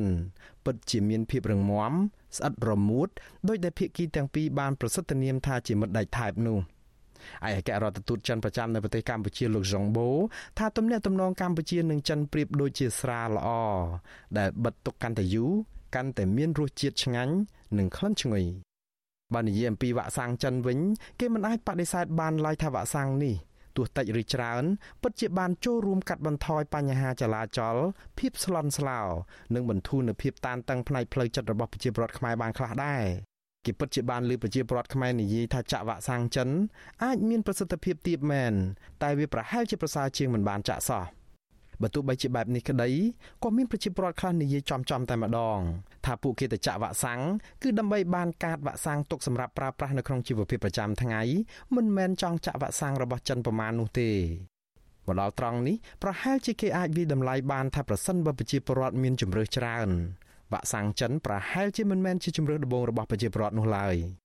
ផ្អែកតាមការឆ្លុះបញ្ចាំងទាំងអស់នេះចិនក៏ប្រហែលជាមិនទាន់អាចឆក់យកបានបេះដូងរបស់ប្រជាពលរដ្ឋខ្មែរនៅឡើយដែរបើទោះបីជាចិនកំពុងតែឈានមុខប្រទេសដទៃទៀតនៅក្នុងការផ្តល់ជំនួយវ៉ាក់សាំងដល់កម្ពុជាក្តីតើនេះអាចមកពីចិនធ្វើទង្វើមិនគប្បីច្រើនពីមុនមកដែលធ្វើឲ្យប្រជាពលរដ្ឋខ្មែរបាត់ទំនុកចិត្តលើចិនឬក៏យ៉ាងណា ឬក៏ថារូបភាពទង្វើល្អដែលចិនកំពុងតែធ្វើនៅពេលនេះវានៅតិចតួចពេកបើប្រៀបធៀបទៅនឹងទង្វើមិនល្អដែលប្រជាពលរដ្ឋខ្មែរយល់ថាចិនបានធ្វើមកលើកម្ពុជាតាំងតែពីក្នុងពេលអតីតកាលនិងបច្ចុប្បន្នពលរដ្ឋខ្មែរហាក់នៅមានរឿងច្រើនណាស់ដែលមិនសូវសប្បាយចិត្តនឹងចិនទាំងក្នុងពេលអតីតកាលនិងបច្ចុប្បន្នដែលធ្វើឲ្យខ្មែរពិបាកផ្ដាល់ក្តីស្រឡាញ់ឲ្យអស់ពីចិត្តចំពោះចិនពិតណាស់ នៅក្នុងអតីតកាលចិនគឺជាអ្នកគ្រប់គ្រងដ៏មុតមមរបស់ពួកខ្មែរក្រហម ដែលរបបអាវខ្មៅមួយនេះបានប្រព្រឹត្តអំពើប្រល័យពូជសាសន៍លើប្រជាពលរដ្ឋខ្លួនឯងស្លាប់មនុស្សជិត2លាននាក់សម្រាប់ពេលបច្ចុប្បន្នបើនិយាយពីទំនាក់ទំនងរវាងប្រជាជននិងប្រជាជនវិញពលរដ្ឋខ្មែរក៏ហាក់នៅមិនទាន់ពេញចិត្តនឹងអត្តចរិតឬក៏អិរិយាបថរបស់ជនជាតិចិនដែលកំពុងរស់នៅលើទឹកដីកម្ពុជានោះដែរ ប្រជាពលរដ្ឋខ្មែរនៅតែចាត់ទុកវត្តមាននៃជនជាតិចិននៅកម្ពុជា ថាជាហានិភ័យសម្រាប់សង្គមជាតិដោយសារតែជនជាតិចិនមួយចំនួនបានបង្កអសន្តិសុខប្រើអំពើហិង្សាលើប្រជាពលរដ្ឋខ្មែរនិងជនជាតិចិនដូចគ្នាធ្វើឲ្យប៉ះពាល់ដល់សន្តិភាពនាំឲ្យមានអំពើក្រតកម្មនិងបង្កើតឲ្យមានភាពអនាធិបតេយ្យនៅក្នុងសង្គមខ្មែរ ជាងនេះទៅទៀតក្រុមហ៊ុនចិនដែលបានចូលរួមវិនិយោគនៅកម្ពុជាក៏ហាក់ពុំសូវមានកេរ្តិ៍ឈ្មោះល្អឡើយក្រុមហ៊ុនខ្លះធ្វើឲ្យរាជខ្មែរទឹកភ្នែកបាត់បង់ដីធ្លីស្រែចម្ការនៅក្នុងពេលដែលរោងចក្រសហគ្រាសដែលមានថកែជាជនជាតិចិនក៏មានកេរ្តិ៍ឈ្មោះមិនសូវល្អនៅក្នុងការគោរពសិទ្ធិសេរីភាពកម្មករនយោជិតនោះដែរ លើសពីនេះទៅទៀតប្រជាពលរដ្ឋខ្មែរក៏កំពុងតែមានការបារម្ភអំពីព័ត៌មាននៃវត្តមានកងទ័ពចិននៅមូលដ្ឋានកងទ័ពជើងទឹករៀមរបស់កម្ពុជា ដែលប្រជាពលរដ្ឋគិតថាអាចអូសទាញកម្ពុជាឲ្យធ្លាក់ទៅក្នុងគ្រោះនៃការប្រជែងអំណាចផ្នែកភូមិសាស្ត្រនយោបាយរវាងប្រទេសមហាអំណាចនិងអាចនាំកម្ពុជាឲ្យដើរផ្លាត់កន្លងអព្យាក្រឹតនៃគោលនយោបាយការបរទេសរបស់ខ្លួនពលរដ្ឋខ្មែរក៏មិនចង់ឃើញចិនយកកម្ពុជាធ្វើជាកូនអុកដើម្បីបម្រើមហិច្ឆតាភូមិសាស្ត្រនយោបាយរបស់ចិននៅក្នុងតំបន់នោះដែរ ជាងនេះទៅទៀតអ្វីដែលធ្វើឲ្យប្រជាពលរដ្ឋខ្មែរជាពិសេសអ្នកនិយមប្រជាធិបតេយ្យអាចមានសេចក្តីអាក់អន់ចិត្តនឹងចិន គឺទង្វើរបស់ចិនដែលដើរបញ្ច្រាស់ចរន្តប្រទេសប្រជាធិបតេយ្យដូចជាក្នុងពេលដែលសហគមន៍អន្តរជាតិរួមទាំងសហភាពអឺរ៉ុបផងថ្កោលទោសនឹងដាក់ទណ្ឌកម្មរបបលហ៊ុនសែនជុំទឹះរឿងរំលោភសិទ្ធិមនុស្សនិងបំផ្លាញប្រជាធិបតេយ្យដោយសារតែការរំលាយគណៈបកសង្គ្រោះជាតិបណ្ដាញអង្គការសង្គមស៊ីវិលបិទប្រព័ន្ធផ្សព្វផ្សាយឯករាជ្យនិងការធ្វើទុកបុកម្នេញសកម្មជននយោបាយនិងសង្គមប្រទេសចិនបែរជាបង្ហាញជំហរគាំទ្រចំណាត់ការរបស់របបនេះនឹងឡើងនយាយការពីកម្ពុជានៅក្នុងកិច្ចប្រជុំក្រុមប្រឹក្សាសិទ្ធិមនុស្សអង្គការសហប្រជាជាតិថែមទៀតផង។ មិនតែប៉ុណ្ណោះក្រោយរបបក្រុងភ្នំពេញរំលាយគណៈបកប្រឆាំងរដ្ឋាភិបាលចិនបង្កើនភាពស្និទ្ធស្នាលជាមួយរបបក្រុងភ្នំពេញតាមរយៈទស្សនកិច្ចផ្លូវការរបស់មន្ត្រីជាន់ខ្ពស់ចិនមកកម្ពុជាជាញឹកញាប់ដែលជាការប៉ុនប៉ងបង្ហាញបង្អែកដ៏រឹងមាំដល់លោកហ៊ុនសែននៅក្នុងការបន្តក្រាញអំណាចទាំងក្នុងរូបភាពនៃការរំលោភបំពានសិទ្ធិមនុស្សនិងបំផ្លាញប្រជាធិបតេយ្យធ្ងន់ធ្ងរនិងក្នុងស្ថានភាពដែលប្រទេសប្រជាធិបតេយ្យជាច្រើនកំពុងតែដាក់សម្ពាធកម្ពុជានៅក្នុងរឿងនេះ ត្រឹមតែរឿងផ្ដាល់វ៉ាក់សាំងនិងជំនួយគ្មានលក្ខខណ្ឌដល់កម្ពុជា ប្រហែលជាមិនទាន់គ្រប់គ្រាន់ទេចិនប្រហែលជាអាចនៅមានរឿងច្រើនទៀតក៏បីធ្វើដើម្បីឆក់យកបេះដូងប្រជាពលរដ្ឋខ្មែរឲ្យទូទុនមកស្រឡាញ់និងទុកចិត្តខ្លួននៅក្នុងនាមជាមហាអំណាចនិងជាមិត្តរបស់កម្ពុជា ចិនគប្បីដើរតួជាអ្នកសម្របសម្រួលឲ្យភាគីនយោបាយខ្មែរត្រូវរើគ្នា មិនមែនចាប់យកតែក្រុមអ្នកមានអំណាចហើយមិនខ្វល់ខ្វាយចំពោះក្រុមដែលត្រូវបានគេរំលោភបំពាននោះទេ ចិនក៏បីចាប់ផ្ដើមហ៊ាននិយាយអំពីរឿងរំលោភបំពានសិទ្ធិមនុស្សប្រព្រឹត្តដោយរដ្ឋអំណាចមកលើប្រជាពលរដ្ឋខ្មែរស្លូតត្រង់ចិនក៏បីណែនាំប្រជាពលរដ្ឋខ្លួនឲ្យបដូរអេរិយាប័ត្រចេះគោរពប្រជាពលរដ្ឋខ្មែរម្ចាស់ប្រទេសនិងណែនាំឲ្យក្រុមហ៊ុនរោងចក្រសហគ្រាសចិនឲ្យមានក្រមសីលធម៌នៅក្នុងការវិនិយោគនៅកម្ពុជាផង វាប្រហែលជាពិបាកសម្រាប់ចិននៅក្នុងការនិយាយអំពីប្រជាធិបតេយ្យនិងសិទ្ធិមនុស្សនៅកម្ពុជាដោយសារតែកត្តារបបនយោបាយផ្ទាល់ខ្លួន និងគេមិនសូវល្អរបស់ចិនជំវិញការគោរពសិទ្ធិមនុស្សនៅក្នុងប្រទេសរបស់ខ្លួនទោះជាយ៉ាងនេះក្តីចិនប្រហែលជាអាចនៅមានឱកាសនៅក្នុងការស្ដារមុខមាត់របស់ខ្លួនបានខ្លះដែរនៅចំពោះមុខភាពមិនទុកចិត្តរបស់ប្រជាពលរដ្ឋខ្មែរទូទៅ ចិនជាប្រទេសកុម្មុយនីសមែនក៏ប៉ុន្តែប្រទេសនេះជាមហាអំណាចសេដ្ឋកិច្ចពិភពលោកមួយដែលជាប់កាតព្វកិច្ចអន្តរជាតិជាច្រើនរួមទាំងកាតព្វកិច្ចនៅក្នុងការធានាឲ្យមានសន្តិភាពពិភពលោកនិងជួយជំរុញការគោរពសិទ្ធិមនុស្សផងដែរនៅក្នុងន័យនេះចិនមិនគួរដោយសារតែប្រយោជន៍សេដ្ឋកិច្ចនិងភូមិសាស្ត្រនយោបាយរបស់ខ្លួនបែរជាបង្ហាញជំហរគ្រប់គ្រងនិងធ្វើជាខ្នងបង្អែកដល់មេដឹកនាំដែលរំលោភសិទ្ធិមនុស្សនិងបំផ្លាញប្រជាធិបតេយ្យនោះឡើយ ជាងនេះទៅទៀតចិនប្រហែលជាអាចនាំយកមេរៀនកែតម្រង់ល្អល្អដែលខ្លួនបានអនុវត្តជោគជ័យនៅក្នុងប្រទេសចិនមកចែករំលែកជាមួយនឹងរដ្ឋាភិបាលកម្ពុជាដូចជាមេរៀនអំពីកំណែតម្រង់ប្រព័ន្ធតុលាការការដកហូតទូនីតិមន្ត្រីចៅក្រមព្រះអាជ្ញាណាដែលមិនអនុវត្តតាមវិជ្ជាជីវៈនិងក្រមសីលធម៌ការលុបបំបាត់អំពើពុករលួយអំពើស៊ីសំណូកសោកប៉ាន់ការលុបបំបាត់ក្រុមមន្ត្រីខិលខូចបកពួកនិយមដែលរំលោភអំណាច កេងប្រវ័ញ្ចជិះជាន់ប្រជាពលរដ្ឋទុនខ្សោយនិងមន្ត្រីដែលប្រើប្រាស់មូលនិធិរបស់រដ្ឋខុសខ្ទង់ជាដើមគេធ្លាប់ឃើញមានសេចក្តីរាយការណ៍ច្រើនណាស់និយាយអំពីចំណាត់ការរបស់រដ្ឋអំណាចចិនទៅលើប្រភេទមន្ត្រីខិលខូចបែបនេះដូច្នេះក្នុងនាមជាមិត្តដៃថែបរបស់លោកហ៊ុនសែនចិនគួរណាស់តែជួយចែករំលែកមេរៀនល្អៗទាំងអស់នេះដល់មិត្តរបស់ខ្លួនក្រែងលោកហ៊ុនសែនមានយុទ្ធវិធីល្អៗនៅក្នុងការកម្ចាត់មន្ត្រីខិលខូចក្រោមបង្គាប់នៅក្នុងឋានៈលោកជាមេដឹកនាំប្រទេស។ សរុបសេចក្តីមកបើចិននៅតែបន្តថ្នាក់ថ្នមក្រុមមានអំណាចដែលគេមើលឃើញថាកំពុងតែរំលោភបំពានអ្នកទុនខ្សោយហើយប្រងើយកន្តើយចំពោះទុកលំបាករបស់អ្នកដែលត្រូវបានអ្នកកាន់អំណាចធ្វើទុកបុកម្នេញ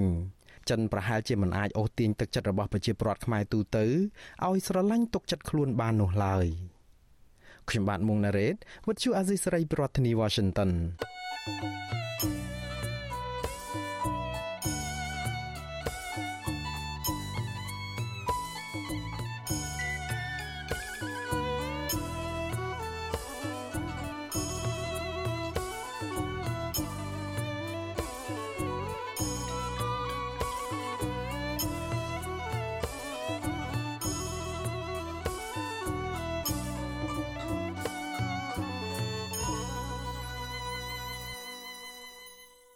បាទលោកអ្នកនាងកញ្ញាជាទីមេត្រីក្រុមអ្នកជំនាញសាទរកិច្ចសន្ទនាអំពីបញ្ហាសន្តិសុខទឹករវាងគណៈកម្មការទូលេមេគង្គហៅកាត់ថា MRC និងសមាគមអាស៊ាន ដែលត្រូវបានធ្វើឡើងជាលើកដំបូងកាលពីពេលថ្មីថ្មីនេះគេហៅដំណើរការកិច្ចសន្ទនាដើម្បីស្វែងរកដំណោះស្រាយចំពោះបញ្ហាសន្តិសុខទឹកឬវិបត្តិទឹកនៅតំបន់ទន្លេមេគង្គនេះថាជាជំហានវិជ្ជមានមួយក៏ប៉ុន្តែពួកគេប្រមានថា នៅមានរឿងរ៉ាវត្រូវធ្វើជាច្រើនទៀត ដើម្បីបញ្ជៀសចំនួនដណ្ដើមទឹករវាងប្រទេសខ្សែទឹកខាងលើ និងប្រទេសខ្សែទឹកខាងក្រោមនាពេលអនាគត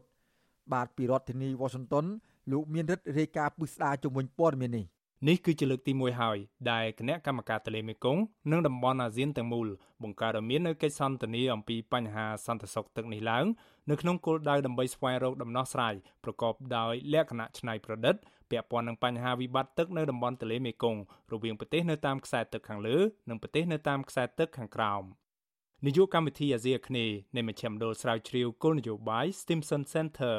លោក Brian Eiler ហៅកិច្ចសន្ទនាអំពីបញ្ហាសន្តិសុខទឹកនេះថាគឺជាជំហានដ៏ត្រឹមត្រូវមួយដើម្បីស្វែងរកនូវដំណោះស្រាយសម្រាប់តំបន់ទាំងមូល។ This first dialogue between the Mekong River Commission អាស៊ានអាចផ្ដល់ឲ្យនៅទស្សនៈពាក់ព័ន្ធជាច្រើន អំពីទីក្រុងឆ្លាតវៃ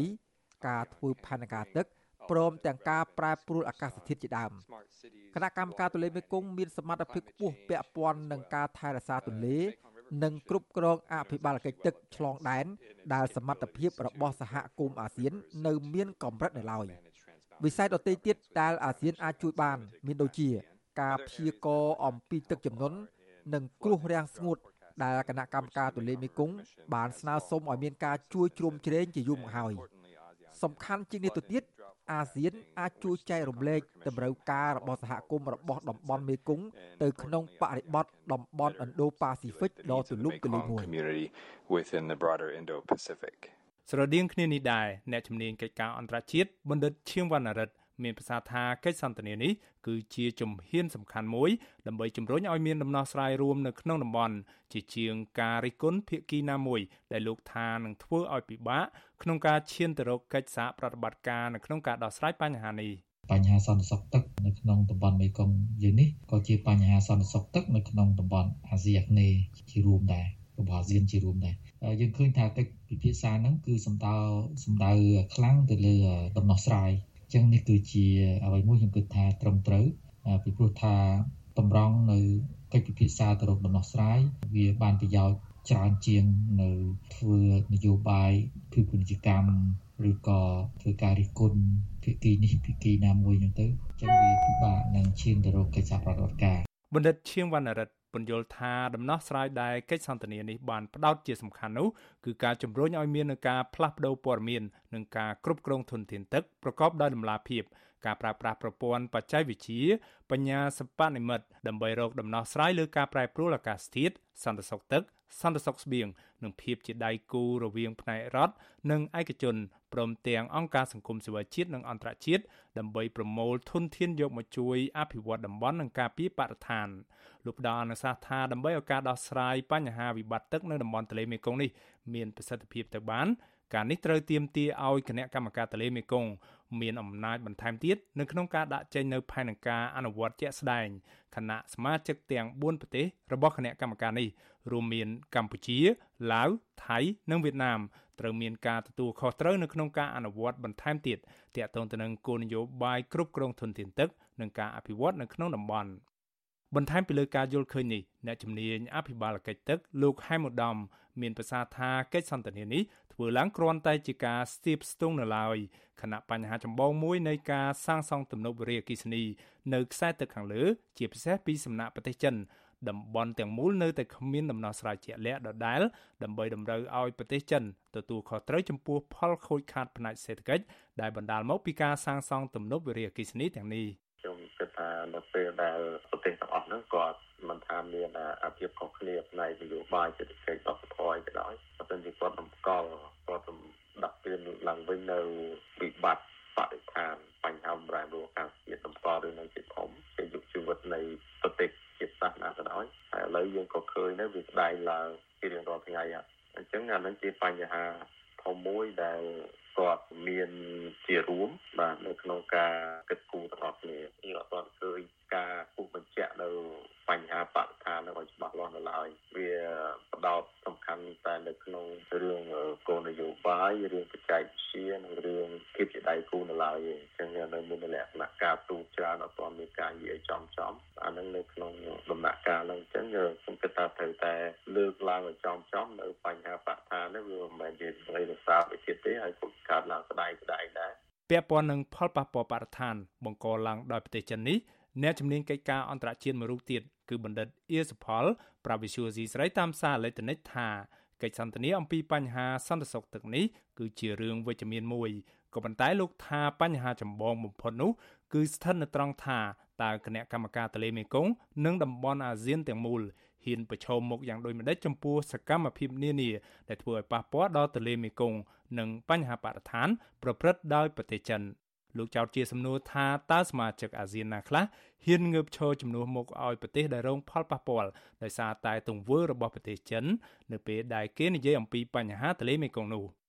អ្នកជំនាញដដែលផ្ដល់អនុសាសន៍ថាដំណោះស្រាយដ៏ប្រសើរបំផុតនោះគឺវិធីសាស្ត្រនៅក្នុងការពាក់ព័ន្ធសមាជិកប្រទេសអាស៊ានទាំងអស់ ឲ្យនិយាយគ្នាដោយគ្មានវត្តមានរបស់ភាគីចិន ដើម្បីដាក់ចេញនៅជំហរជាក់លាក់មួយ ដែលអាចឲ្យតំបន់មេគង្គទាំងមូលត្រូវបានថែរក្សាសម្រាប់មនុស្សចំនួនក្រោយ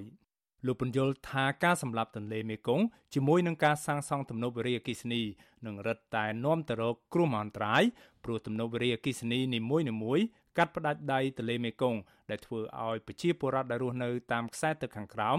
កាន់តែពិបាកនៅក្នុងការចិញ្ចឹមជីវិតរស់នៅ វិបត្តិទឹកនៅតំបន់ទន្លេមេគង្គកំពុងតែក្លាយជាបញ្ហាប្រឈមកាន់តែខ្លាំងមួយនៅក្នុងចំណោមប្រទេសនៅក្នុងតំបន់ជាពិសេសប្រទេសនៅតាមខ្សែទឹកខាងក្រោមមានដូចជាកម្ពុជាថៃនិងវៀតណាមជាមួយនឹងប្រទេសនៅខ្សែទឹកខាងលើ មានដូចជាចិនមីយ៉ាន់ម៉ាឬភូមា និងប្រទេសឡាវជាដើម បញ្ហានេះកើតមានឡើងស្របពេលដែលទន្លេមេគង្គកំពុងប្រឈមទៅនឹងការគំរាមកំហែងដោយការប្រែប្រួលអាកាសធាតុនិងបង្កឡើងដោយមនុស្សតាមរយៈការសាងសង់ទំនប់វារីអគ្គិសនីដ៏ច្រើនលើសលប់នៅតាមប្រទេសខ្សែទឹកខាងលើ ជាពិសេសប្រទេសចិន និងប្រទេសឡាវខណៈតំបន់មេគង្គទាំងមូលនៅមិនទាន់មានយន្តការច្បាប់ច្បាស់លាស់នៅឡើយដើម្បីដោះស្រាយបញ្ហានេះប្រកបដោយប្រសិទ្ធភាពអរយៈពេលជាង2ឆ្នាំជាប់គ្នាមកហើយដែលកម្ពុជា ជាពិសេសនៅតំបន់ទន្លេសាប រងផលប៉ះពាល់ដោយផ្ទាល់ពីវិបត្តិនេះដោយត្រូវប្រឈមនឹងគ្រោះរាំងស្ងួត និងគ្រោះរីងស្ងួតមិនធ្លាប់មានពីមុនមក ការធ្លាក់ចុះទិន្នផលត្រីព្រមទាំងគ្រោះទឹកជំនន់ដ៏អាក្រក់ជាបន្តបន្ទាប់គ្រោះរាំងស្ងួតកាលពីឆ្នាំ2019និងឆ្នាំ2020បានបណ្ដាលឲ្យទឹកទន្លេមេគង្គស្រកចុះនៅក្នុងកម្រិតទាបបំផុតមិនធ្លាប់មានពីមុនមកគណៈកម្មការទន្លេមេគង្គធ្លាប់ព្យាករណ៍ថាគ្រោះរាំងស្ងួត និងទឹកជំនន់កាន់តែអាក្រក់នឹងបន្តកើតមានឡើងនៅតំបន់ទន្លេមេគង្គ កាន់តែញឹកញាប់ថែមទៀតនាពេលអនាគតទន្លេមេគង្គឬហៅថាទន្លេឡានឆាងនៅប្រទេសចិនគឺជាបេះដូងនៃតំបន់អាស៊ីអាគ្នេយ៍ដីគោកដែលមានប្រជាជនសរុបប្រមាណជាង70លាននាក់ពឹងផ្អែកលើទន្លេនេះនិងដៃទន្លេនេះសម្រាប់ម្ហូបអាហារទឹកការដឹកជញ្ជូននិងទស្សនវិជ្ជាដទៃទៀតនៃជីវភាពរស់នៅប្រចាំថ្ងៃទន្លេនេះគឺជាទន្លេដែលវែងជាងគេទី12នៅលើពិភពលោក មានប្រវែងប្រមាណជិត5000គីឡូម៉ែត្រ ក្រុមអ្នកជំនាញមួយចំនួនធ្លាប់ប្រមានថាប៉ះសិនបើទន្លេនេះមិនត្រូវគ្រប់គ្រងឲ្យបានល្អនោះទេនោះប្រទេសពាក់ព័ន្ធអាចប្រឈមទៅនឹងចំនួនដណ្ដើមទឹករ៉ាំរ៉ៃជាលក្ខណៈអន្តរប្រទេសនៅក្នុងតំបន់ទាំងមូលដែលមិនខុសពីរឿងរ៉ាវដែលធ្លាប់កើតមានឡើងនៅទន្លេនីលនៃទ្វីបអាហ្វ្រិកចំនួនដណ្ដើមទឹកនៅតំបន់មជ្ឈិមបូព៌ានិងតំបន់អាស៊ីកណ្ដាលនោះទេខ្ញុំបាទមេរិត Visual C ស្រីរាយការណ៍ពីរដ្ឋធានី Washington thank you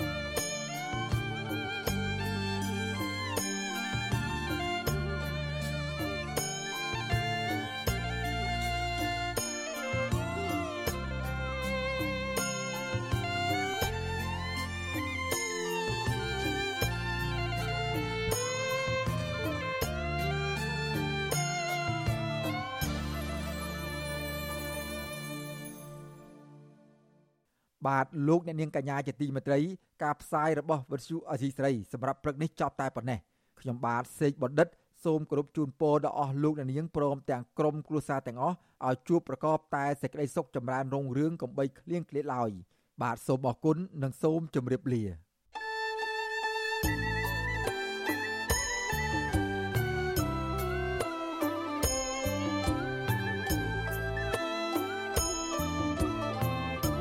វិទ្យុអាស៊ីសេរីផ្សាយតាមរលក ធាតុអាកាសខ្លីឬ short wave តាមកម្រិតនិងកម្ពស់ដូចតទៅនេះ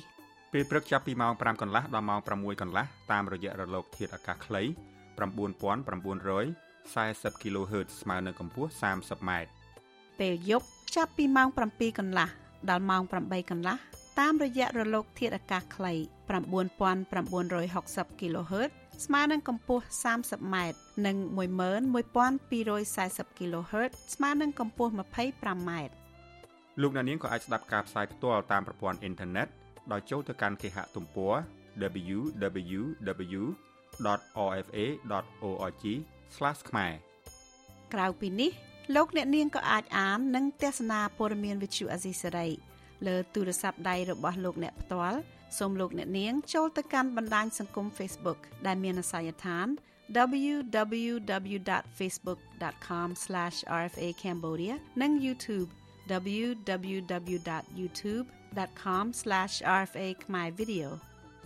សូមលោកអ្នកនាងចុច like និងចុច subscribe ដើម្បីទទួលបានព័ត៌មានថ្មីៗទាន់ហេតុការណ៍និងទស្សនាវីដេអូផ្សេងៗទៀតបានគ្រប់ពេលវេលា